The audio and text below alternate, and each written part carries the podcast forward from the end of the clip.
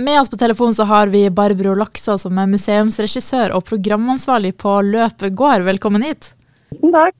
Dere er her for å prate litt om eh, hva som skjer hos eh, dere i sommer. Jeg ser at det starta bl.a. en del ting i helga med Afternoon Tea og Møspromlefse. Kan du ikke fortelle litt om hva det er for noe?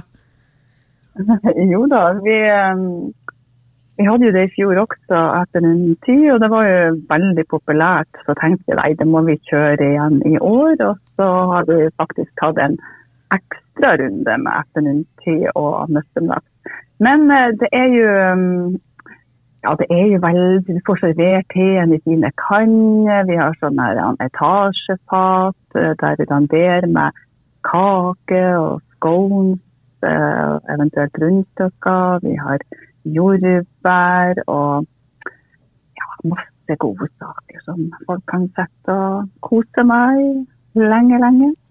ja. Hvordan fikk dere ideen til å rett og slett arrangere det her?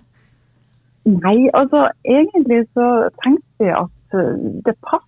Altså Løp gård er jo litt sånn eksklusivt sted, for å si det sånn, som har ei lang og spennende historie med embetsmenn og skipperadel. Så liksom det å ha et litt eksklusivt tilbud, så jeg tror nok det har vært servert mye alle av det altså opp gjennom årene. Altså for under 200 år siden. Ja. ja. Er det litt sånn gammeldags stemning, eller? Jo, det er jo På løpet er det jo en gammeldags stemning. Det huset er jo veldig fint restaurert og med kopi av tapeter fra 1850 og mange gamle ting. Så det, det er jo en veldig sånn god og koselig atmosfære på løp. Og er det fint vær, så har jo folk lyst til å sitte ute. Så vi krysser jo fingrene på at det blir sola, eller i hvert fall oppholdsvær i helga. Og så ser jeg også at uh, dere i løpet av sommeren skal ha sånne gammeldagse leker tilgjengelig. Kan du fortelle litt mer om det?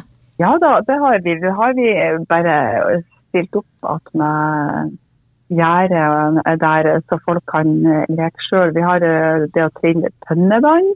Det gjorde jo ungene før i tida og sånn. Eller de trilla sånn gamle sykkelhjul eller felger. Så øh, det er veldig artig. Og det ser kanskje litt vanskelig ut, men små unger tar det veldig fort. Så kan de konkurrere om hvem som klarer å trille hjulet lengst uten at det ramler ned. Og så har vi styrker, Og så har vi noe som heter kast på stikker, der du kan uh, konkurrere mot hverandre hvem som får flest poeng og sånn. Så det er litt sånn forskjellige ting som vi kan holde på med. Både voksne og unge. og eldre. ja. Opplever dere at folk har satt pris på å reise liksom tilbake i tid? Uh, ja, jeg syns folk uh, Vi har jo veldig mye besøk i, om sommeren, og vi har veldig mye gjenbesøk. Så jeg syns vi setter pris på det. Jeg er veldig sånn uh, Jeg er glad for at det ser så fint ut, og at vi har så fine forskler på oss. Vi ser ut som er ja, litt sånn fintaus eller sånn ja, husjomfru eller liksom sånn kostyme eller bekledning vi har der. Og det setter folk veldig pris og syns at de må ta bilder. Ja. Så vi har folk liker å være der, og folk kommer igjen og tar masse besøkende. Og de sitter lenge i hagen og nyter kaffe eller te eller, eller noe strømløst også. Ja. Altså. Det er jo en liten stund til. men jeg ser at dere også til høsten skal arrangere spøkelseskveld. Det hørtes veldig spennende ut. Hva, hva består det av? Ja, det er jo en tradisjon. Der. Vi har ikke hvor mange år vi har holdt på her. Det er jo en fortellerkveld eh, der vi forteller ulike skrømthistorier. Mm, eh, først og fremst fra gården, men også fra Salten-området. Og så har vi eh, litt sånn dramatisering innimellom av sang eller historier vi har hørt. Så vi har ganske mye innsamla materiale som, um, ja, som vi tar tak i og prøver å fornye oss litt hver gang. Også, selv om noen av historiene går igjen. Og, ja. og så er det litt historikk, at du må forstå litt av kjendishistorikken til gården for å forstå alt det folk har eh, sett og opplevd eh, opp gjennom årene. Så ja, det er fortellerkveld for voksne. Vi har 18-årsgrense på den. da. Har dere merka at det spøker på gården, da?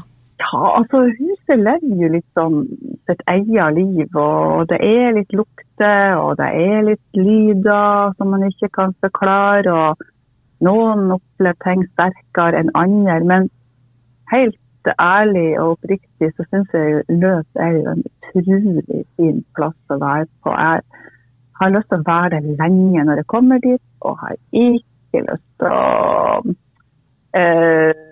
uh, Jeg har jo ikke lyst til å oppleve å se så veldig mye ting, så jeg sier at nei, nå er det ikke noe tid for noen sånne ting. Og så, men når høstmørket kommer, og sånn, så begynner vi å tro litt mer. Det er sånn det er hvert år.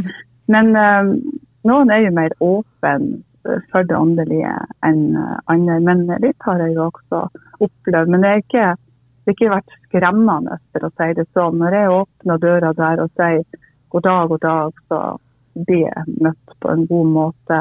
Og ja, synes jeg er veldig fint det. Og jeg håper jo at både mange gamle og nye gjester finner veien dit. Ja. Og helt til slutt, da. Det er afternoon tea og alt det som skjer i helga. Når skjer det? Eh, afternoon tea skjer på, eh, på lørdag. Også den med strømlett og det er det sånn med ekstra tilbehør med sirup og fett og rømme.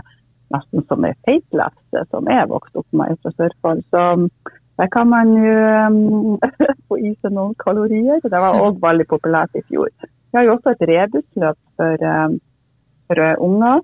Uh, eller familie som uh, poster som henger rundt innimellom ripsbekjerrene, og så kan de være med i trekning av fine premier. Så vil jeg òg nevne på slutten, vi har også omvisning i helga, der du kan få høre um, gårdens historie, en halvtime time vandring gjennom huset og historien. Det er også primært for voksne. Så har vi òg senere i sommer eh, omvisning med grovtauser, som forteller historier på en litt mer slagferdig og litt sånn fra, et annet ståsted, for å si det sånn. Eh, så ja, det er litt av hvert som skjer. Men dere får ha en fin sommer videre, og takk for at du ville stille til en prat. Bare hyggelig.